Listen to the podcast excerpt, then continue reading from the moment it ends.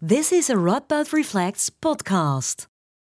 Welcome to Radboud Reflects at Home, the digital programming of Radboud Reflects that lets you think further in times of corona. My name is Frank van Kaspel, program writer for Radboud Reflects, and I have the pleasure of introducing a lecture by Marc Slors, who is a professor of mind and language at Radboud University. In his lecture, Professor Slors discusses the main focus of his current research he investigates the nature and function of social conventions, like driving on the right side of the road or shaking hands, and he considers their role in creating social cohesion and friction. He argues that when it comes to social friction, for example in multicultural societies, we often see beliefs and values as a source of conflict, but we overlook the important role of social conventions and habits. His position has wide ranging societal implications and we invite you to share your thoughts in the comment section below the video. Have fun watching. So, welcome everybody uh, to this Radboud Reflects lecture entitled Force of Habit. My name is Marc Slors. I'm Professor of Philosophy of Mind and Cognition at Radboud University. And uh, the subtitle of this talk is Why Cultural Friction is Not About Ideas. And that gives you a better impression of what it is that I will be arguing. Um, the talk is subdivided in four sections, and the first section is the section in which I will try to explain what is it, what it is exactly that I will be arguing. It is it is called convictions versus conventions as explanations for social cohesion and so and cultural friction. That's a, a mouthful, but I'll try to explain what I mean. So it is generally acknowledged by basically everyone that sharing culture um, connects the members of a group, that it, um, that it provides a degree of social cohesion. Uh, and that it is also generally acknowledged that the flip side of this is that it, um, it differentiates uh, and it distinguishes different groups from, from each other. So while sharing culture makes the members within one group cohere, they um, the culture also uh, makes it the case that these members differentiate themselves from uh, members of other groups. So basically, social cohesion and cultural friction are each other's flip side. So the first question I would like to ask is what is it in culture that does this? What is it that makes culture connect people and also differentiate and disconnect people from different groups? Uh, the standard answer to this question is one that is, for instance, represented here in this book by uh, Yuval Noah Harari called Sapiens. And Harari thinks that what connects, what makes culture connect people is the fact that uh, a culture allows us to believe in uh, the same myths that we collectively believe in the same fictions and that by collectively believing the same thing, um, we get to cooperate in a flexible way uh, with large numbers of people. And the myths that he speaks of uh, can be rather varied. I mean, he speaks of the biblical creation story, the Dreamtime myths of the Aboriginals of Australia, and he speaks of national myths of modern states as basically fulfilling the same function. So here's another quote. Uh, he says, Myth and fiction accustomed people to think in certain ways, to behave in accordance with certain standards, to want certain things, and to observe certain rules, and they thereby created artificial instincts that enabled millions of strangers to cooperate effectively. This network of artificial instincts is called culture. Now, I think this last bit is perfectly, completely spot on. Um, to characterize culture as a network of artificial instincts that allow strangers to cooperate effectively is exactly right, I think. Where I am less sure is that this network of artificial instincts can completely be understood and explained in terms of our collectively believing in the same myths and fictions. So that is what I want to question in this talk. So Harari concentrates on the social cohesion aspect of culture, um, but there is also the flip side of that, namely the, the cultural friction side of the story. Um, but basically, you find the same position there. So here's Jonathan Turner, famous sociologist, and he says cultural conflict is caused by differences in cultural values and beliefs that place people at odds with one another. So, what Harari and Turner agree on, and many other peoples agree on as well, is that what connects us are conventions. So, that's ideas, beliefs, myths, values. And that is also what divides people that belong to different cultures. So, cultural frictions are due to differences in convictions, what I will call convictions. Um, now, culture does not only exist of conventions, uh, sorry, convictions. It also consists of cultural conventions or habits or customs, whatever you would like to call them. Um, and here I'm thinking of things such as social etiquette, ways of greeting each other, for instance, or of the way we dress clothing. Um, I'm also thinking of the styling of public space. You can immediately see that the, the, the top picture is some Asian culture, and uh, the bottom picture is probably Eastern Europe or Russia or something like that. Uh, and we can also think of architecture. Uh, the left picture is pretty clearly the UK, and the right hand picture is rather obviously Holland. If you're familiar with those countries, you can see that you know, with a blink of an eye, immediately you immediately recognize that. So those are cultural conventions. There are more cultural conventions, but I'll concentrate on these. Now, if you look at the literature on intercultural communication, for instance, or the literature on how to become a successful expat, um, you will find that most of that literature concentrates on conventions, on habits, on, on customs, if you like.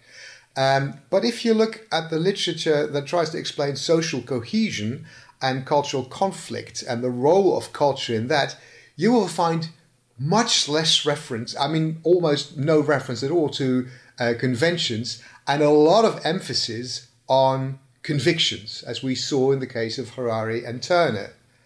So, why is that? Well, there is a, a rather obvious explanation um, because in both cases, what we need is an explanation of why it is that people cling to their conventions and their convictions, why people adhere to them, why, why they feel strongly about them. And in the case of convictions, this is really easy to explain because people think they have reasons to believe what they believe. They have reasons to hold the values that they hold. Uh, and this might I mean, from a psychological point of view, we might actually ask whether people actually do have good reasons, but that's another view. People view themselves as having reasons to believe what they believe. More importantly, perhaps, beliefs and values and myths and stories give meaning to our lives. They are not arbitrary. They are they really structure our lives. Um, so it is pretty easy and pretty easy to understand why it is that we strongly adhere to our beliefs and values and fictions and myths. Um, it's in fact so easy that many people do not even attempt to explain this. And this is not bad. This is not a, a bad thing. It is really easy to understand why people cling to their beliefs. But it's a completely different story if we move along to conventions. And this is because everybody agrees that conventions are arbitrary, that they are conspicuously arbitrary. Uh, for instance, we shake hands as a way of greeting, but we readily acknowledge that uh, you know bowing might do the trick just as well, or tongue protrusion, or waving, you know, or whatever gesture. It doesn't really matter which gesture we opt for, as long as we all do the same thing. Um, so everybody agrees that shaking hands is just an arbitrary gesture, and in our culture, that basically means saying hello or saying goodbye. Uh, but it could have been anything else, and we all acknowledge this. So it's this arbitrary nature that makes it difficult to understand why it is that people cling so strongly to these conventions. So this is the asymmetrical situation that we are in. It's very easy to understand why people cling to their convictions. It's really difficult to explain and understand why people cling to their conventions. What I would like to do in this talk is to uh, propose an explanation of why it is that people cling to their conventions. I will argue that conventions have an important but overlooked cognitive function. I will argue that this function allows us to see why conventions are quite possibly and quite probably actually more important than convictions when it comes to explaining social cohesion and cultural friction. And I will say something very briefly at the end of this talk about how this change of view might affect the way in which we deal with um, cultural frictions, for instance, in multicultural societies. I'll be brief about that because there's there's more to say than what I have time for. Right. So in the first, so in the second section, I will try to explain why I think that um, cultural conventions are in, in, intricately inter, intertwined with um, the fact that humans divide labor. And by dividing labor, uh, I mean not just dividing labor in an economic sense, but in a cultural, social, cultural sense just as well. I'll try to explain what I mean. First, humans divide labor in a in an incredibly complex way. There are many other animals that, that divide labor. Uh, they're very interesting examples. But to cut a very long story short, the way in which humans do this is incom- incomparably more complex than the way in which animals do this. Um, and that division of labor gives us a lot. I mean, um, it allows us for specialization, for focused expertise, if you like. It allows us to put the right person on the right task. It reduces a waste of cognitive resources on, for instance, task switching or on learning new skills, and also on redundant problem solving. If one person in a group can solve a problem, there's no need for other people in the same group to solve that same problem. This one person should just give the solution to everybody else, and everybody else is happy. So, also here, to cut a long story short, dividing labor, um, dividing roles and tasks, if you like, um, is really, really, really helpful for uh, for human beings. It raises the standards of living. It really enhances the chances of survival of human groups way back in our evolutionary past. This will become important later on.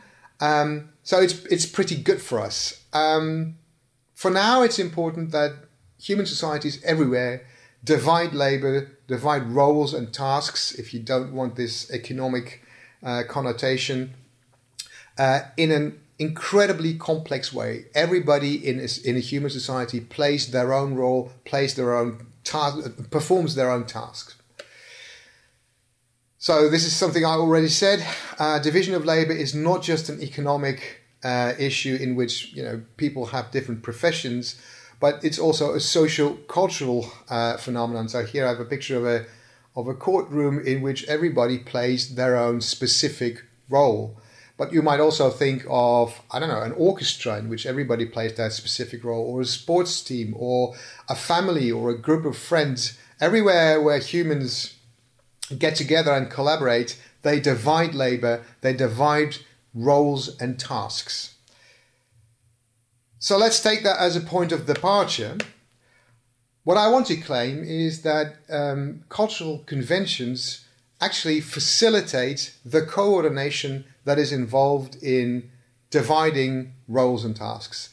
But usually, if you talk about the coordination of roles and tasks, people think of something like this. Each worker has a specific task. So, coordination means something like deciding on who does what. And that's a very interesting question. There's a lot of books written on exactly these topics, and many authors emphasize the remarkable fact, for instance, that coordination in this sense does often not require a central coordinator, that it is something that emerges, so to speak. So these books, for instance, are really well worth reading. They are about this type of coordination. What I want to talk about, however, is something way more mundane and trivial and everyday. Uh, a different kind of coordination, namely the, the here and now interaction between people who carry out different roles and tasks in a very day to day, physical, embodied situation. So, If you look at this picture, for instance, you can see that everybody is basically busy with their own tasks.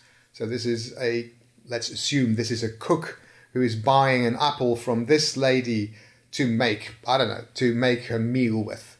Uh, and this is an apple picking lady who picks apples and sells them at the side of the road. Um, this is probably a painter that doesn't want to be bothered by anyone else. These people are dividing, I don't know, the fish they caught probably in the morning. Um, and here you can see people who are talking to each other. You might imagine that this lady is actually telling that man um, how to reach the next town. These are all forms, very trivial but important forms of coordination. And they involve, first and foremost, finding each other when needed for the exchange of goods, information, and services. For most of the roles and tasks that we perform, we need to contact other people every now and then for the exchange of goods, information, and services. But there's a second kind of coordination, and that is basically not being in each other's way. Um, usually, people live together in a fairly small uh, space. When everybody's busy doing their own thing, um, most of the time it is really helpful to let each other be and to, to give each other space, so to speak, to do what, what it is that people have to do. So these are the very trivial forms of coordination I want to talk about. And I would like to persuade you that cultural conventions are actually, um, well, they they facilitate this kind of in, uh, this coordination, and they facilitate it to such an extent that we really can't do without them. So here are a couple of examples that are meant to illustrate how this first type of coordination is facilitated by cultural conventions finding each other when needed for the exchange of goods, information, and services. First function, function of, uh, of cultural conventions is what we might call signposting. So, for instance, here you can see people who wear different uniforms, and by dip, which are definitely cultural conventions. By wearing these different clothes, they signal or they advertise their profession. And this can be handy when we need these people. Um, in this case, it's not about uniforms, but it's about formal and informal dress. You can immediately see that this guy is probably not going to go to school, whereas this young lady is. And this guy's probably going to some formal occasion. Um, signals, cultural signals, conventional signals that advertise the function of certain rooms in a house, for instance. That's also signposting. Uh, making certain gestures that show whether or not you are open to certain exchanges. What we can also think of architecture. So if you look at these buildings, it is really clear, it's immediately clear what the function of these buildings is. Uh, and we can see that from the cultural conventions that are uh, present here. So you can immediately see this is a gas station, this is a church, this is just a house you know, people live in, and this is probably an office building. But here I'm less, I'm less certain. Okay, so signposting is an important function of cultural conventions. Another function is to provide us with standardized behavior for specific interactions, templates for interactions, if you like. Um, so here we can see uh, just by you know by looking at this picture, uh, just by looking at the, the the way in which the people are organized and in which they look at each other, this is very probably a job interview. This is a birthday in which there is, you know, something is celebrated. This is a lady who gets a checkup at the uh, at her physician, and here's a graduation ceremony. These are all exchanges of goods, information, and services, and cultural conventions provide specific templates for this. Another function is the signaling of transactions within these exchanges. So here, this is you know, shaking hands is a way of saying goodbye or a way of saying hello, opening an exchange. Uh, toasting is a way of marking a certain event. Uh, this is for opening meetings or closing uh, meetings with more than one person. These gestures are meant to convey something like, oh, this is so stupid of me and I recognize this. Um, this is all signaling transactions in exchanges. And finally, we, we can think of the signaling of intentions or attitudes. So these people definitely signal their attitude towards society, and this guy signals an attitude towards an individual, probably. This one signals an attitude towards conventions in general. You can only be unconventional given the fact that there are conventions. You require conventions to be unconventional. But this is uh, this is signaling something else, like you know I'm available for questioning or whatever, uh, and this is basically, oh gosh, I need to go. Second, the second type of, of coordination is not being in each other's ways, and for this we have cultural conventions that pertain to behavior, behavioral rules. So think, for instance, of queuing, of opening the door for each other, of not speaking in a library so that basically people can go about and do their own thing in the library. This is also a way of not being in each other's way, not just spatially, but not bothering each other. Uh, or keeping to one side of an escalator, that's a pretty obvious one. Um, but we can also think of spatial arrangements, and these are also, once again, cultural conventions, ways in which we organize our offices, our courtrooms, in which different people with different functions have specific places. Classrooms, same thing, different function, different place, and you can immediately see how that works. Counters in shops, and um, yeah, this is an assembly line in a factory. This is probably less clear, but there are uh, millions of tiny little conventions in such um, in such setups that facilitate the coordination of different roles. So these are a lot of examples, but I hope the general gist, the general idea is clear. Um, cultural conventions allow us, facilitate uh, the very basic mundane interaction between people carrying out their own different roles. I forgot this one, spatial arrangements. Uh, here it's also pretty obvious that you know this is where pedestrians need to go, this is where cyclists need to go, this is where cars need to go, um, so as to not be in each other's way and allow each other to basically pursue their own tasks and role um, as well as possible. So these are all forms of coordination uh, that are facilitated by cultural conventions.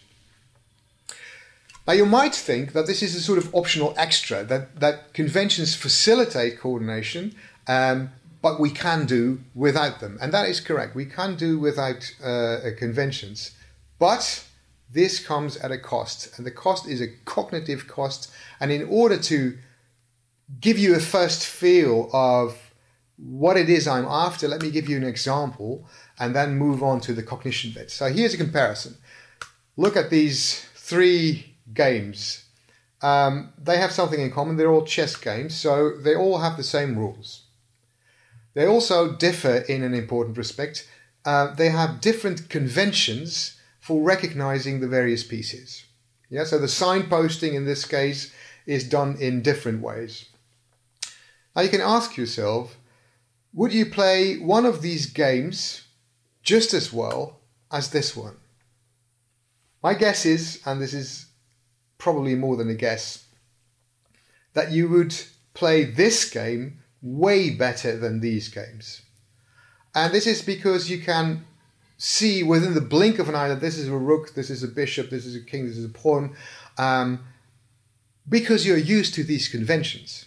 So these conventions allow you to see immediately what the function of the various pieces is, and that allows you to concentrate on your strategy in the game, on trying to win and trying to, I don't know, see what the strategy of your opponent is going to be, etc., etc. Whereas if you have to if you have to play one of these games, so suppose you're playing this beer game here, um, you would constantly have to remind yourself that this is a rook and that this is a pawn which is hardly distinguishable, for instance, from a bishop or, well, it's it's a difficult situation, right? So especially if the game is is, you know, underway and the, the pieces are all over all over the board, um, you really would have to concentrate in order to see what the situation is, and that concentration takes you. I mean, it takes a lot of cognitive effort, and that goes at the expense of your ability to play chess. It goes at the expense of your own um, strategy. and the quality of your game. So, in all likelihood, you are playing you will play this game way better, and that is due to the cognitive function of cultural conventions in this case. So, in the next section, I will look at how this works with um, cognition.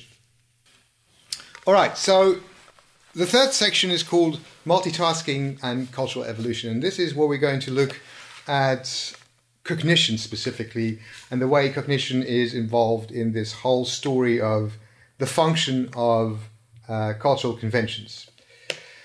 So, if you look at these people, um, this is a typical situation in which everybody is busy with their own tasks. You might imagine that this guy's going home, uh, this lady's going to her work, this one is texting a friend, and this one is texting a colleague. Um, they're not bumping into each other. They adhere to the you know cultural acceptable norm of you know how close you can be to each other. More importantly, they adhere to the norm that you should cross streets at the zebra crossing and not anywhere else. So they are coordinating with each other, but they're also coordinating with the cars that you can't see here in the picture. Everybody's coordinating with everybody, and everybody is busy with their own tasks and roles. So in everyday life, we carry out our tasks and we coordinate with others, more or less simultaneously. Now, this is a form of multitasking. The term multitasking is a bit controversial. Some people say that multitasking doesn't exist, that it really consists of frequent task switching. Um, that's fine as far as I'm concerned. I'll speak of multitasking, but if you would like to hear frequent task switch- switching, that's okay. The point is, the question that we need to ask is, why is it that we don't notice this frequent task switching or this multitasking as an extra cognitive strain? And this question is pertinent because people are notoriously bad at multitasking. This much is uncontroversial. Um, and the answer to the question why it is that we don't feel this strain is because we automatize our interactions. So let's go. Let's let's first look at uh, examples, uh, standard examples of multitasking. Uh, I'll just I'll just speak about the first example: driving a car and having a conversation. It's a standard example of multitasking, and we all know that people are able to do this. People are most most people are really good at this actually, but only, and this is the crucial point, only if you're an experienced driver. If you're an experienced driver, you have no problems driving your car, minding the other traffic, minding the traffic signs, minding the traffic lights, and at the same time having a contentful conversation with your bike byrider. If you're not an experienced driver, if you're a novice driver, you have to learn to drive, then things are completely different. Then you need to focus on the driving itself, you know, the technical stuff with the car, the traffic, the traffic lights, the signs. You need to focus on that. And that focus um, will usually not allow you to have a conversation at the same time. So, this is standardly noted in the literature on multitasking. What is usually required for us to be able to multitask is the automatization of one of the tasks. In this case, in this case of this example, uh, driving a car. But in the case uh, that we're really interested in, which is uh, this type of multitasking. It's multitasking that consists of carrying out your own task and coordinating it with other people. Um, it is the coordination that gets automatized, and this is where cultural conventions come in. This is what in uh, philosophy of cognition is called cognitive offloading. Um, and cognitive offloading is something like shaping your environment, in this case your cultural environment, in such a way that certain tasks require little or no effort. That's cognitive offloading. Um, and the point, obviously, is that cultural and cultural conventions allow us to offload cognition that is aimed at the coordination, the very basic day to day coordination of our own roles and tasks with the tasks and roles of other people. So cultural conventions allow us to automatize one of the tasks of the continuous ubiquitous multitasking that most of us are involved in. maybe all of us are involved in. Um, and by doing that, they provide a kind of cognitive offloading. Yeah? They make the task, they make the combination of combining coordination with carrying out your own tasks um, cognitively bearable, so to speak. So, does it mean, once again, that we can't do this multitasking without cultural conventions? Well, no, it doesn't, because we can move to other cultures and maybe not coordinate as well and as easily as we are able to do that in our own culture, but we usually we manage. But the point is that managing comes at a cost, and that cost is really well known from the phenomenon of culture shock. Um, culture shock is basically um, well, it's it's just here it's depicted as irritability, but it is usually uh, an emotionally more um, devastating. It, it, can really be a devastating effect. It can lead to depression, for instance, uh, and it's it occurs when you um, when you have passed an initial state of euphoria of being in a new country, you know, having new experiences, meeting new people. When you really have to settle, when you have to go back to a normal situation of being able to carry out your task and coordinating those with other people, um, things become really stressful when you are not able to do that coordination as smoothly and as easily as you are used to in your own culture. And that leads to uh, severe feelings of distress that are known as culture shock. So, yes, we can do without cultural conventions, but really not for a long time and actually not for a whole society a society that consists of people carrying out intricate, I mean, very, very, very many different tasks and roles that are intricately interconnected, such a society cannot do without conventions that facilitate those kinds of interactions. So the claim is that dividing labor goes hand in hand with having cultural conventions.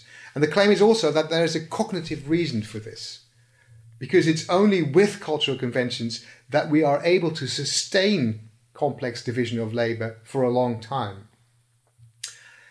It's pretty obvious, and it's, it's generally agreed on, that dividing labor has been immensely important for human evolutionary success. That it enhances the, the chances of group survival immensely, that it enhances our standards of living uh, immensely. That is not controversial. But then you might think, okay, so if dividing labor is important for our evolutionary success, and if dividing labor really cannot do without cultural conventions, then there might be reasons to think, evolutionary reasons, to think that we are sort of hardwired or at least wired by evolution to be susceptible to cultural conven- conventions, that we really um, have a sort of inborn inclination to adopt and accept um, cultural conventions. And this is indeed something that seems to be confirmed by experiments. So I'll I'll show you two experiments that really uh, that deserve more attention than I can give them here. I, I should be brief about them. I'll only explain this uh, experiment here by Horner and Whiten in 2005. is one of the best experiments of the past decades, as far as I'm concerned. So um, this is a situation in which infants, human infants, and chimpanzees alike are shown a box with a stick on top of it, and uh, the experimenter shows what you can do with the box and the stick.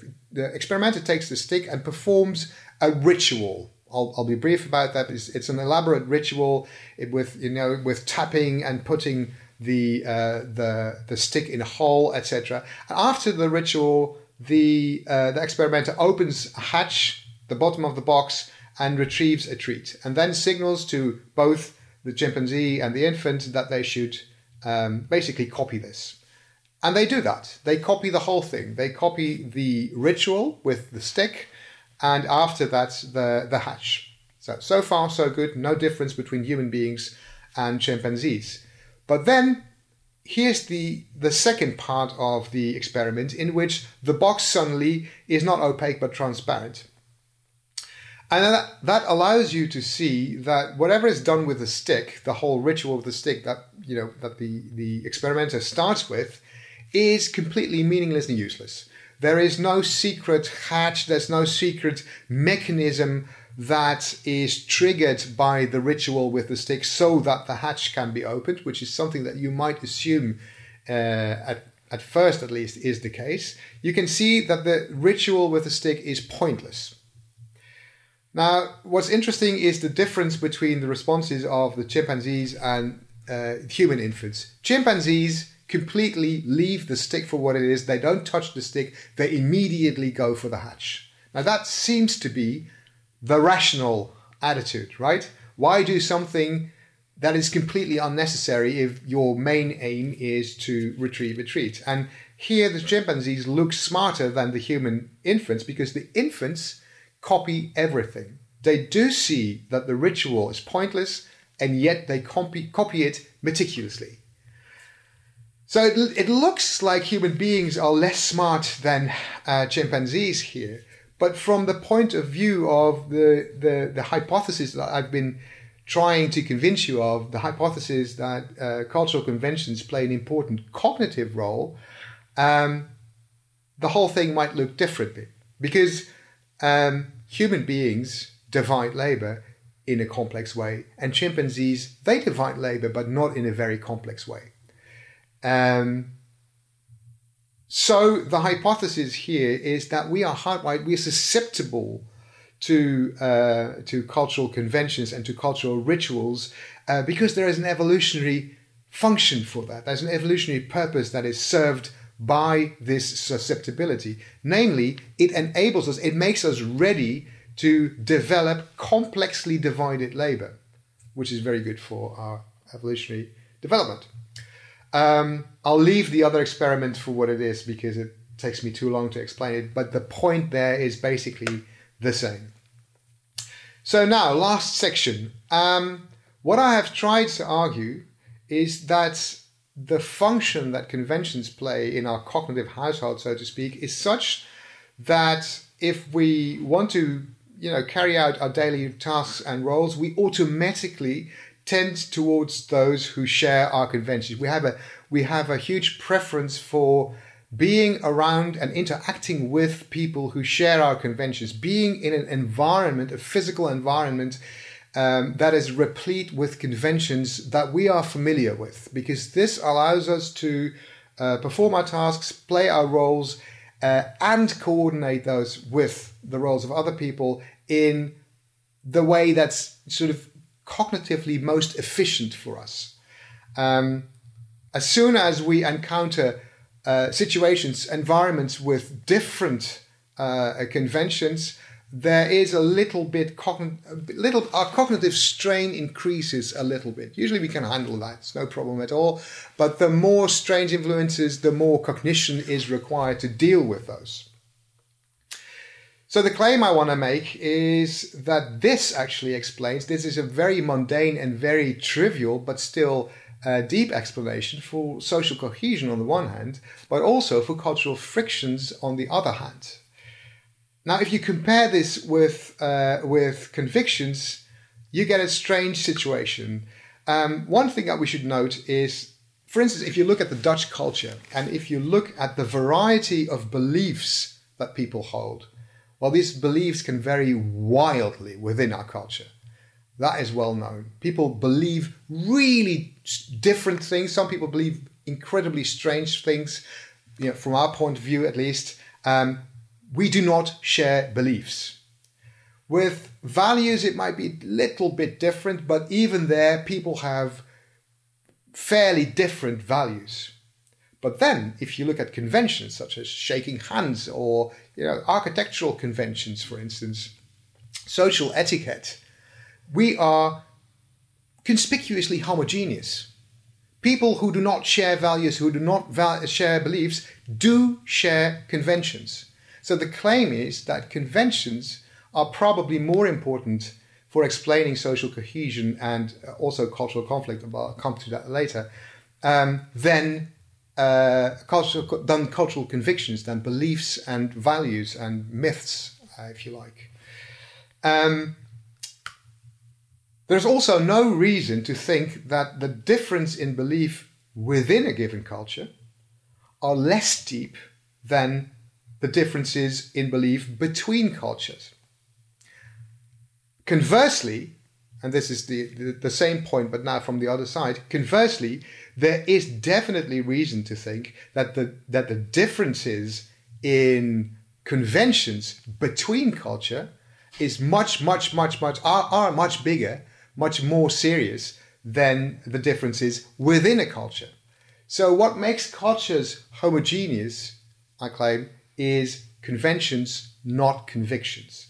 That is the uh, that is the the story that I would like to convince you of. And now I have a little time left, but I want to say something about um, the fact that this might actually um, influence the way in which we deal with uh, problems in you know problems connected with cultural frictions in multicultural societies, for instance. Uh, I want to mention three three things that we might do differently or that we might uh, focus on. Uh, there is more to be said here, but this just gives you a flavor of of how this view can change our way of dealing with such problems. So, for one thing, this is the obvious one in courses on citizenship and integration, we should not merely focus on facts, which is usually the case now. We should not merely focus on beliefs and values, which is a little bit the case now, but we should focus on conventions, on how to interact with each other. And, and really, the more trivial, the better. That is what we should focus on, and that is probably what promotes integration in a way that's you know way more serious and way more important than knowing about the facts of the country that you uh, live in. Because you you will you will learn these facts, but learning about conventions is a whole different story. So focus on conventions there too. There is almost no focus on conventions in courses on citizenship and integration nowadays. So this is one thing that I would like to call attention to. Another thing is that we should definitely. Oh, here's the uh, the chessboard again. Uh, it's but the example is hopefully clear.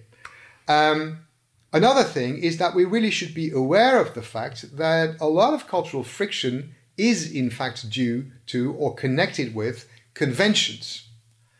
Um, and with the pe- with the fact that people don't feel um, as well and as, as well at ease with different conventions um, than they feel with you know within their own conventions, and that this is actually a cause for cultural friction.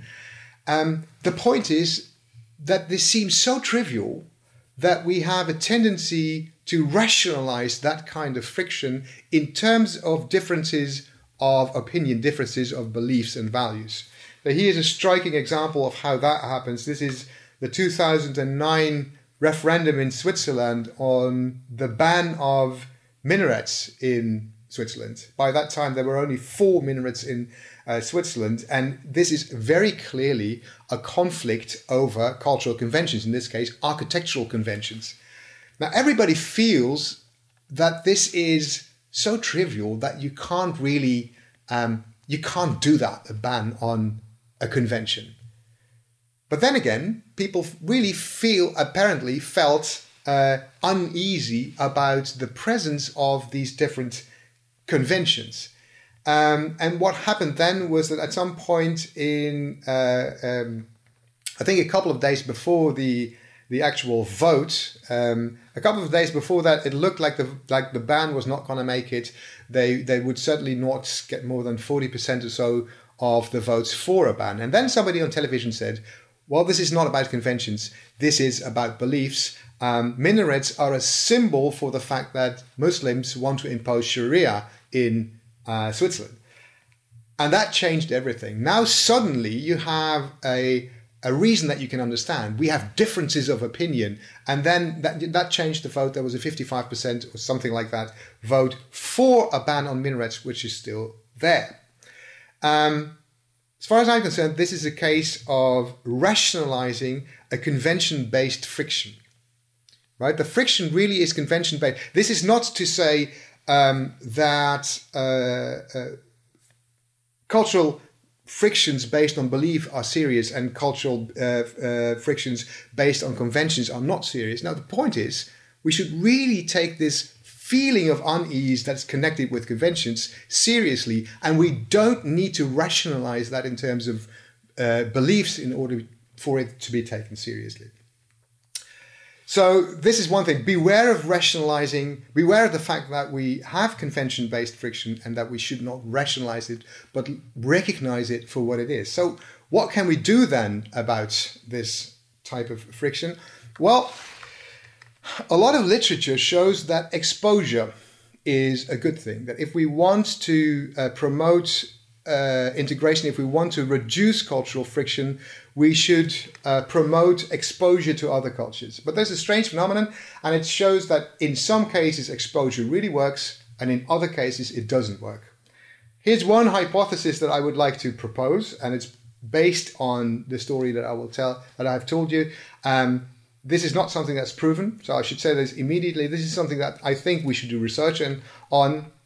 But the hypothesis is that um, we should look at the multitasking hypothesis, so to speak. So, if exposure leads to a lot of multitasking strain, it is probably not going to help because people are people will backtrack, so to speak. They will remove themselves from the interaction with other culture. On the other hand, if you can organize exposure to other cultures in such a way that you do not ask too much of people's multitasking tolerance, so to speak, um, this is likely to be successful. So I will end with an example in which exactly this is attempted. This is a an architectural proposal. It's not been realized yet. It's an architectural proposal of building a um, a kind of floating park uh, near Amsterdam. Uh, but the idea here is that different cultures might have their own um, area, their own space, so to speak, but that the um, the spaces are connected in such a way that in order to you know get from A to B, you will pass on a day-to-day basis um, people from other cultures. So you become familiarized with uh, with these people without necessarily having to interact frequently uh, with uh, with these people. The project is called uh, Familiar Strangers, uh, and the idea is that by becoming familiarized with uh, other conventions, you sort of let your guard. You will slowly let your guard down. and and familiarization basically is what it is all about. It's it's becoming, it's feeling uh, at ease with different conventions that really um, should do the trick if the story that I've been telling you is uh, correct. So that is what I wanted to uh, to tell you. Thank you very much for your attention. Thank you for watching Marc Slors's lecture for Radboud Reflects at Home. We hope you enjoyed it and encourage you to share your thoughts in the comments section below. If you like this video, please give it a thumbs up and subscribe to our YouTube channel. For more information about our upcoming programs, keep an eye on our website ru.nl slash radboudreflects and follow us on social media. See you next time.